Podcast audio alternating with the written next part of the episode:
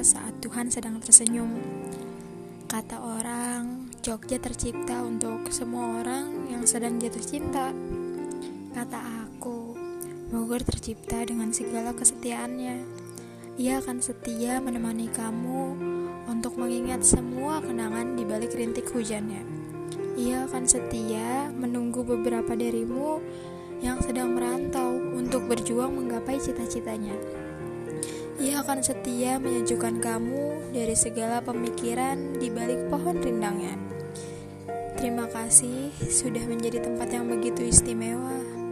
Terima kasih sudah menjadi alasan untuk berpulang. Terima kasih telah menjadi rumah, entah untukku atau bahkan semua orang yang pernah menjadi tamumu. Selamat ulang tahun Bogor. Selamat karena telah menampung lebih banyak cerita.